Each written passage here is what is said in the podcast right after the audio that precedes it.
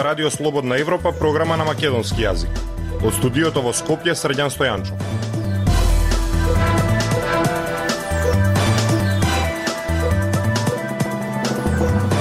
Ја слушате емисијата на Радио Слободна Европа, почитувани. Во неа објавуваме.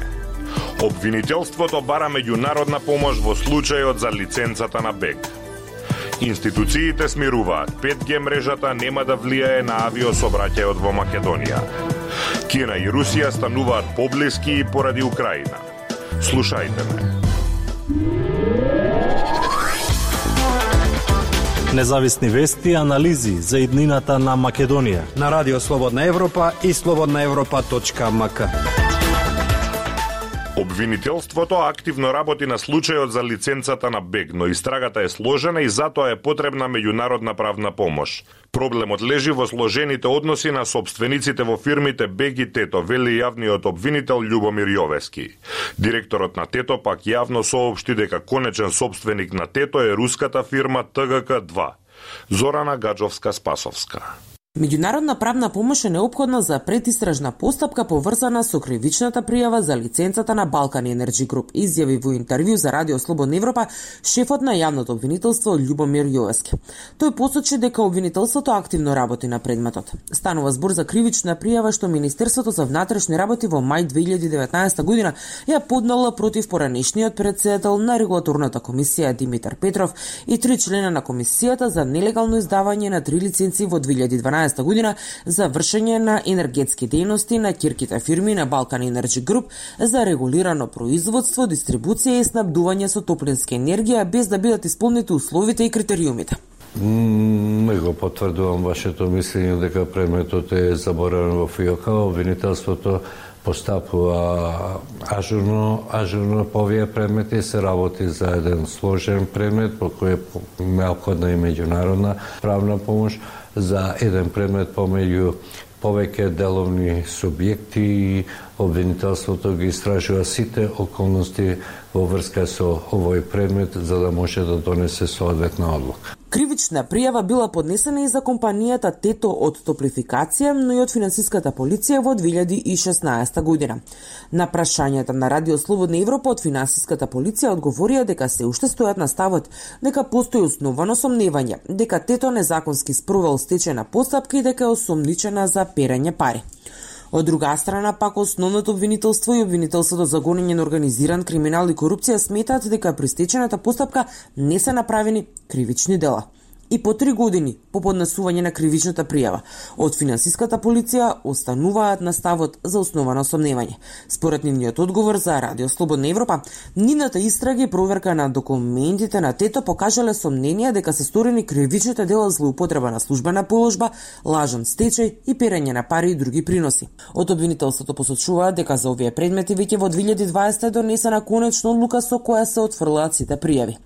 Причина за различното читање на двете институции институции на документите и постапките со прогласувањето на стечајот на Тето во 2017 година. Јовески во интервјуто за Радио Слободна Европа вели дека ја гледа во разликата на надлежностите на институциите. Директорот на Тето и член на управен одбор на Балкан Енерджи Груп Димитар Кучовски во интервју на Телма изјави дека шпекулациите му штетат на имиджот на компанијата. Тој додаде дека собственик на Тето и Бек е Битер Холдинг Компани, но објасни дека вистинскиот собственик на Тето е руска компанија, Territorial Generating Company. Според јавно достапните податоци, станува збор за руска компанија која функционира од 2005 година на рускиот пазар, особено во северниот и северозападниот дел на Русија. Дайте ни 15 минути и ние ќе ви го дадеме светот. Слободна Европа.мк Во Соединетите држави се откажуваат летови поради можното влијание на 5G мрежата врз радарските системи во авионите. Европа внимателно го следи овој проблем, а македонските институции смируваат. Кај нас и без 5G нема слетување на авиони во услови на магла. Во Македонски телеком велат дека 13 градови во земјава веќе целосно се подготвени за 5G, а уште два ќе бидат подготвени до крајот на годинава. Јасмина Јакимова Повеќе летове во САД беа откажани, откако големите телекомуникацијски компании ја активираа екстра брзата 5G мрежа. Како можен проблем беше наведено нејзиното влијание врз така наречените радиови сеномерика и одредени модели, поради што тие може да ја погрешат висината на авионот додека се спушта на пистата при лошо време и слаба видливост. Европа за сега не гледа проблем, бидејќи европската 5G мрежа работи на различни фреквенции, но дадена е препорака за внимателност. Во Македонија пак, каде за сега не е активирана 5G мрежата, само се следа случувањата во светот. Томислав Тунтев, директор на Агенцијата за цивилно воздухопловство, не очекува проблеми. Прво поради тоа што ги користиме европските регулативи за фреквенции, а второ, бидејќи на двата македонски аеродроми нема систем за слетување на авионите при слаба видливост. Значи, нашите аеродроми се од прва категорија според ИКАО стандардите, сепак е потребна одредена видливост при завршниот приод пред слетување пилотот да има визуелен контакт со полетно-слетната патека пред да слета.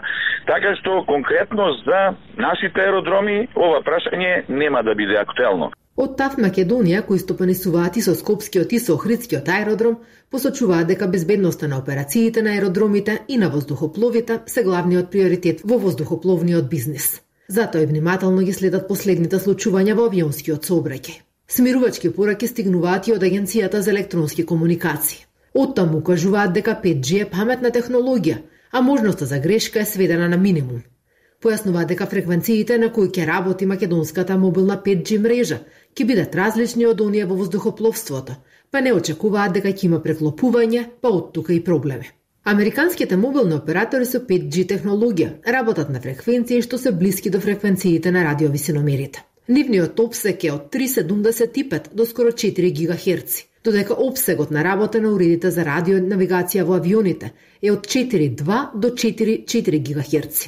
Европската 5G мрежа пак работи на пониски фреквенции. Од Македонски Телеком, кои забрзано работат на поставување на мрежата, не коментираат за можните последици по авионите и потребата од неизино подесување близу аеродромите. Информираат дека до сега 13 македонски градови се подготвени за 5G, а до крајот на јануари 2022 ќе бидат покриени уште два града.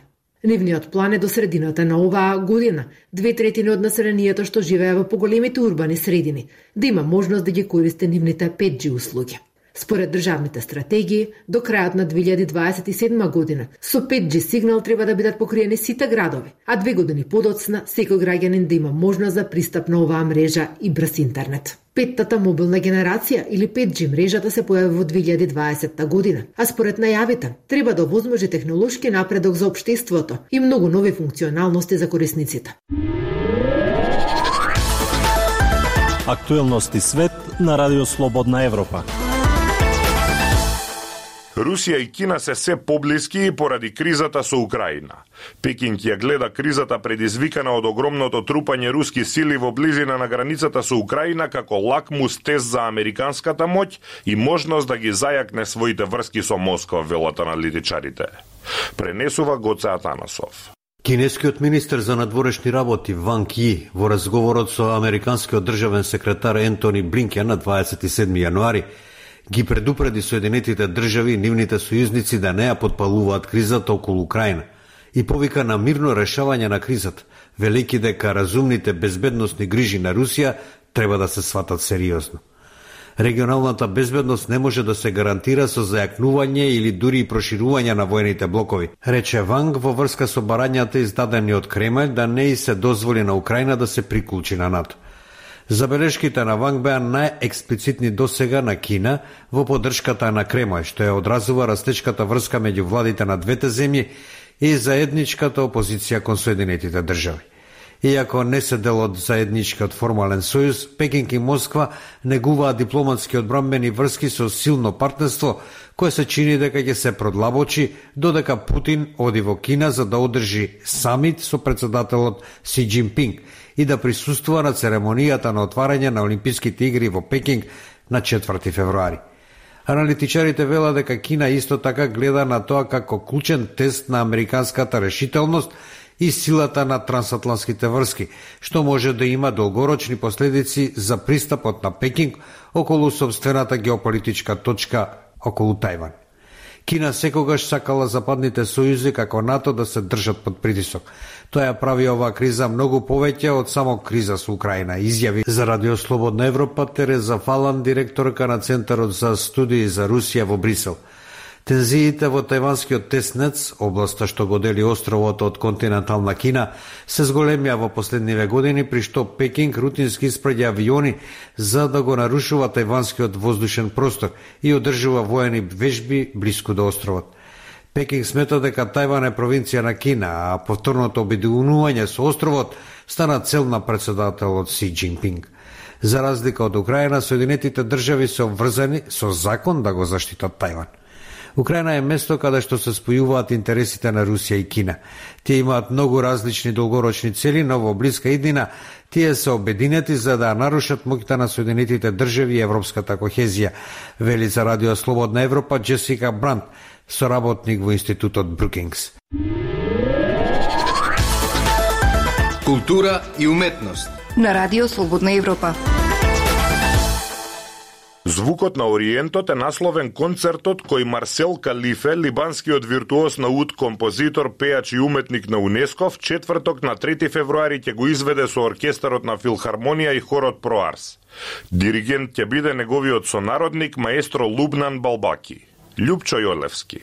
По една декада во која на сцените во земјава ги видовме и чувме неговата сопруга Јола на етнофестивалот во Битола во 2011 година и синот Башар, кој оствари исклучително богата соработка со нашиот перкусионист Александар Петров, во Македонија повторно нагостини доаѓа големиот Марсел Калифе. И повторно ќе свири со ансамблот на Филхармонија, но овој пат наместо во МОБ, како во ноември 2012 во салонот на нашата национална институција. Концертот што ќе се одржи в четвр четврток во 20 часот е насловен Звукот на Ориентот и ќе ја понуди сета раскош на музиката што ја твори овој исклучителен уметник и хуманист. И кога ова е веќе познато, посегаме по неговата биографија, чисто како подсетување на значајните моменти од неговата богата кариера. Марсел Калифе студира лут или арапска лаута на Националниот конзерваториум за музика во Бейрут и од тогаш тој му вдахнува нов живот на овој специфичен инструмент. Во 1972 година Калифе оформува своја музичка група во родниот Амчит со цел да го оживее музичкото наследство на арапската вокална хорска музика. Првиот настап им бил во Либан. Четири години подоцна, под негово менторство се родил ансамблот Алмаедин. На крилјата на дотогашното искуство и смелоста да се исчекори понапред со овој состав, Марсел го започнал своето професионално патување во непознатото. Гласот за Алмаедин се ширел многу брзо, па така Калифе и неговите придружници ја почнуваат долгата серија на концертни настапи, свирејќи во безмалку сите арапски земји, во Европа, Соединетите Американски држави, Јужна Америка, Австралија и во Јапонија. Инаку тој е автор на повеќе вокално-инструментални композиции, а неговото дуо за флут и контрапас било наградено од престижната Charles Cross Academy во Франција во 2017 година. Оно што е особено битно е што неговото творештво е исклучиво позитивно оценето не само од критиката во земјите од средниот исток, туку на секаде ни светот. Неговата креативност, иновативност, образовни и хуманитарни залагања, како и придонесот за промоција на културата и уметноста во арапскиот свет, се причина поради која добил бројни награди и на меѓународно ниво. По добивањето на националниот медал за култура и уметност од Палестина во 2001 година,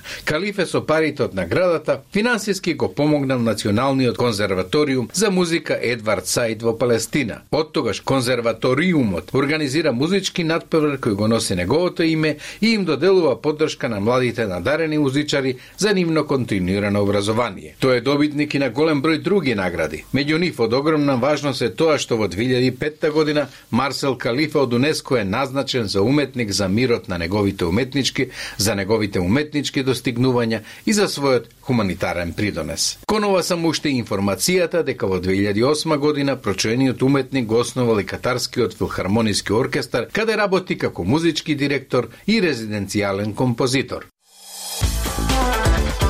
Ја слушавте емисијата на Радио Слободна Европа на македонски јазик. Со вас беа продуцентот Дејан Балаловски и Средјан Стојанчо.